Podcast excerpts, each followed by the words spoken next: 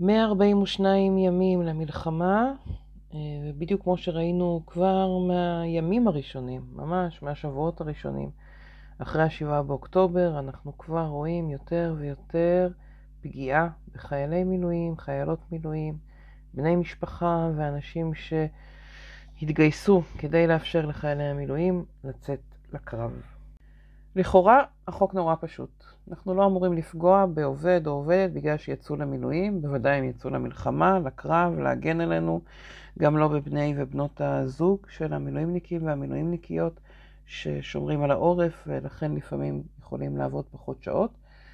עדיין במציאות אה, דברים לא כל כך פשוטים, יש הרבה מאוד מקרים מורכבים, לא טריוויאליים, ואני לחלוטין מבינה ורואה את המורכבות המאוד גדולה של המצב הזה, אבל אני חושבת שיש עלינו אחריות מאוד גדולה, ובשבוע שפנתה אליי אה, משתתפת באחת הסדנאות וסיפרה על בן זוגה שפוטר בזמן מילואים, וראיתי את ההודעות שכותבים לו ושהוא כותב בחזרה, שהוא מסביר שהוא לא יכול להגיע לשימוע ולא מוותרים לו על השימוע, דווקא בשבוע כזה היה לי חשוב לעצור רגע, לדבר על המורכבות, להגיד מה אני חושבת שהתפקיד שלנו, ולהזמין אתכם לשתף אותי אם יש עוד מקרים, אם יש עוד חיבורים שאני יכולה לעשות כדי לעזור למי מכם שמוצא את עצמו, את עצמה, או אנשים שיקרים לכם נמצאים במעמד המאוד אה, קשה הזה של להיות מפוטרים, של להישאר בלי עבודה בעקבות המלחמה, בעקבות המצב. פרק חדש בפודקאסט גיוס למקצוע על גיוס ועל ההשלכות של פיטורים בזמן המלחמה, ובכלל איך כל זה מתחבר לחוק שוויון הזדמנויות בעבודה. פתיחה ונתחיל.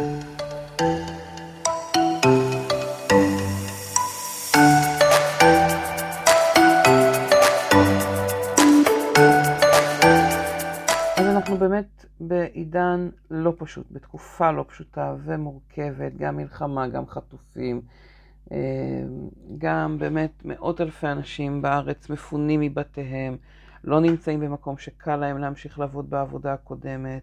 חלק אה, שבעקבות המצב והחטופים אה, נזעקים לטיפול בביתם ויכולים פחות ל... באמת, יש, באמת יש המון המון סיפורים נורא מורכבים, נורא רגישים, ואנחנו לא נפתור את הכל בפרק אחד, אבל אני כן רוצה לקחת את הסוגיה הזאת של עובדים שמפוטרים בזמן מילואים, פנתה אליי השבוע מישהי משתתפת באחת הסדנאות, שבעלה קיבל אה, אה, הודעה זימון לשימוע,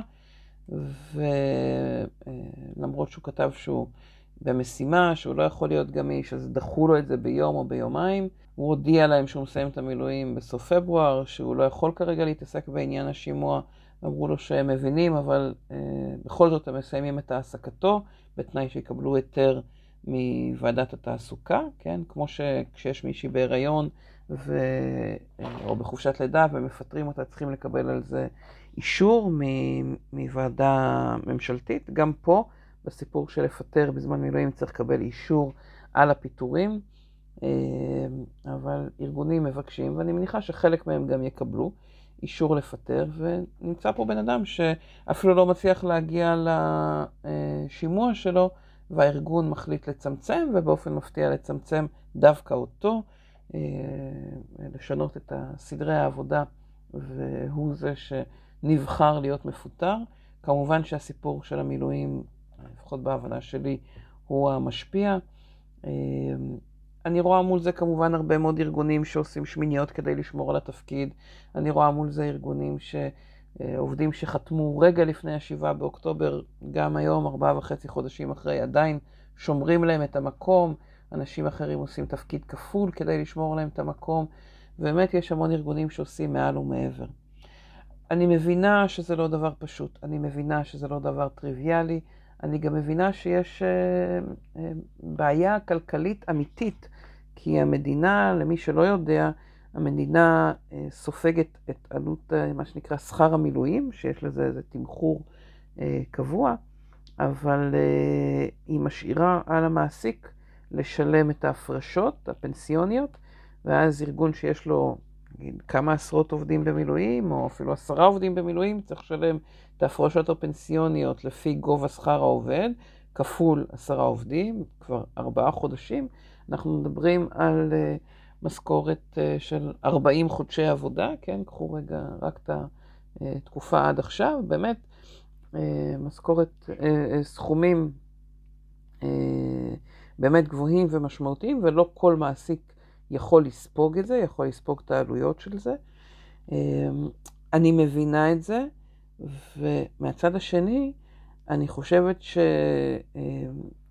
פה, נגיד, קו עדין בין אה, זה שיש פה איזושהי בעיה כלכלית, שאפשר אה, לפנות למדינה לבקש אה, השתתפות בעלויות, שאפשר אפילו לקחת הלוואה, אפשר לעשות כל מיני פתרונות עסקיים אחרים, לצמצם בדברים אחרים, לפטר עובדים שהם פחות טובים, לעשות, לעשות מהלכים שיאפשרו לנו לפחות לא לפגוע בעובד בזמן שהוא במילואים. ואני חושבת שזה באמת דורש אה, מאמץ אקסטרה, אבל בהבנה שלי זאת החובה שלנו העסקית, אנושית, ערכית. ואני אגיד שדווקא בהדרכות שיש לי, ובמשך שנים אני שומעת ממנהלים מסבירים לי למה זה יותר בעייתי לגייס אישה שיכול להיות שתיכנס להיריון ותיעדר פעם בכמה שנים לשלושה חודשים, ארבעה חודשים, אה, וכמה, אם יהיו לה ילדים, היא תצטרך לצאת לטפל בהם. ומול זה אני רואה אנשים שעושות שמיניות כדי להיות יותר יעילות, יותר אפקטיביות, מצליחות לתרום המון. אנחנו מדברים הרבה על ניהול נשי, על ניהול מגוון, על ארגונים שיש בהם גם אה, יותר נשים בכירות, כמה הארגון יותר מצליח, אה, מגיע לשיאים יותר גבוהים. צוותים מגוונים שמצליחים יותר. אין לי ספק שארגונים שהצליחו לתת את הגב לעובדים שלהם, המילואימניקים, יזכו בחזרה אחר כך לתרומה שלהם, מעבר לזה שהם תורמים לביטחון המדינה ולמה שכולנו עושים פה ביום-יום. זה ארגונים שהעובדים האלה, כשהם יחזרו, ירגישו שהיה להם גב, ירגישו שהיה להם בית. ואני חושבת ש... אני לא יודעת אפילו איך להסביר, אני מודה. עליתי על ה... להקליט את הפרק היום ו... ולא כתבתי לי כלום מראש, כי זה פשוט כל כך בוער בי, הנושא הזה. ואני רוצה להגיד שגם אם הארגון שלכם מפטר עובד ואתם הגעתם לנקודה שאין ברירה, בואו תעשו שמיניות כדי למצוא לו או לה מקום עבודה אחר, תיצרו איתי קשר, תכתבו בקבוצות של מגייסים ש... לא הייתה לכם ברירה, אתם צריכים לפטר ולכן אתם רוצים לעזור לאותו עובד או עובדת למצוא עבודה חלופית. תפעילו את כל הקשרים שיש לכם, תעשו כל מה שאתם יכולים כדי לתמוך באותם עובדים. כאלה פוסטים לא ראיתי מצד אף מגייס ואף מגייסת. ואני באמת חושבת שזאת ה ownership שלנו, זאת האחריות שלנו כאנשי גיוס, כמי שמחוברים לאנשי גיוס אחרים. אני מצרפת פה לקישור את פעילות שמובילה חברת דואטו. לחיבור בין מילואימניקים שמחפשים עבודה בעולם ההייטק לבין חברות הייטק שרוצות לגייס אותם. כמובן שלא רק עובדים בהייטק פוטרו, אבל לפחות יש פה מאגר של מילואימניקים ומילואימניקיות להייטק. יכול להיות שיהיו מיזמים כאלה לקהילות אחרות ושיש עוד, אני יודעת שיש עוד מיזמים כאלה לעוד קהילות, ואני מבטיחה לפרסם ולקדם כל מי שיש לו כזה מיזם ורוצה את העזרה שלי לפרסם ולקדם את המיזמים האלה. דרך קהילת הגיוס. אה, אני אשמח כל פעילות כזאת, כל מיזם כזה. ובואו נעשה טוב, בואו ננסה לעזור באמת, למנוע ככל האפשר פיטורים, למנוע ככל האפשר אפליה של אנשים.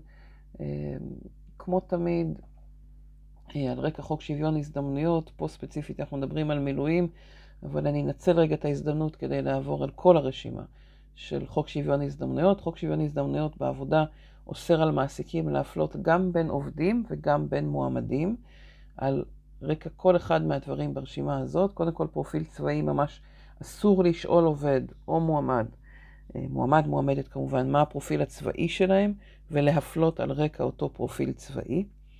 אה, פתאום היום זה נהיה יותר משמעותי, כן? לא להפלות נגד מי שיש לו אה, פרופיל 97 ולכן אולי עושה שירות קרבי, או נגד מי ש... אה, אה, עושה הרבה ימי מילואים בגלל דרגה מסוימת. אה, אסור להפלות על רקע דת, לאום, גזע, השקפה, מפלגה, משך שירות מילואים, מי שמוזמן למילואים או משרת במילואים, או ארץ מוצא, כלומר איפה נולדו הם או ההורים שלהם, גילם, מעמדם האישי, כלומר נשואים, גרושים, רווקים, היותם הורים, הריון, טיפולי פוריות והפריה, מינם, נטייתם המינית או מקום מגורים. אסור להפלות בכל אחד מהדברים האלה, קבלה לעבודה, תנאי עבודה, קידום בעבודה, הכשרה או השתלמות מקצועית, פיטורים או פיצויי פיטורים והטבות סביב פרישה. אני אצרף את אה, לשון החוק, אה, אה, ככה, התקציר נקרא לזה, זה לא לשון החוק, זה התקציר של החוק ואת הקישור לחוק המלא למי שירצה לקרוא עוד, ואם תרצו לשאול סביב זה שאלות, אני אשמח לעזור.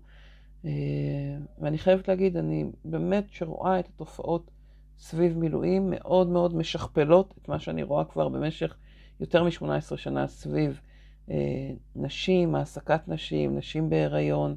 וגם סביב הנושא של מקום מגורים בשנים האחרונות, בעשור האחרון מאז שהוא נכנס לחוק. אה, יש הרבה התעסקות עם לא לגייס אנשים כי הם לא גרים קרוב למקום העבודה, זה לא חוקי בדיוק באותה מידה.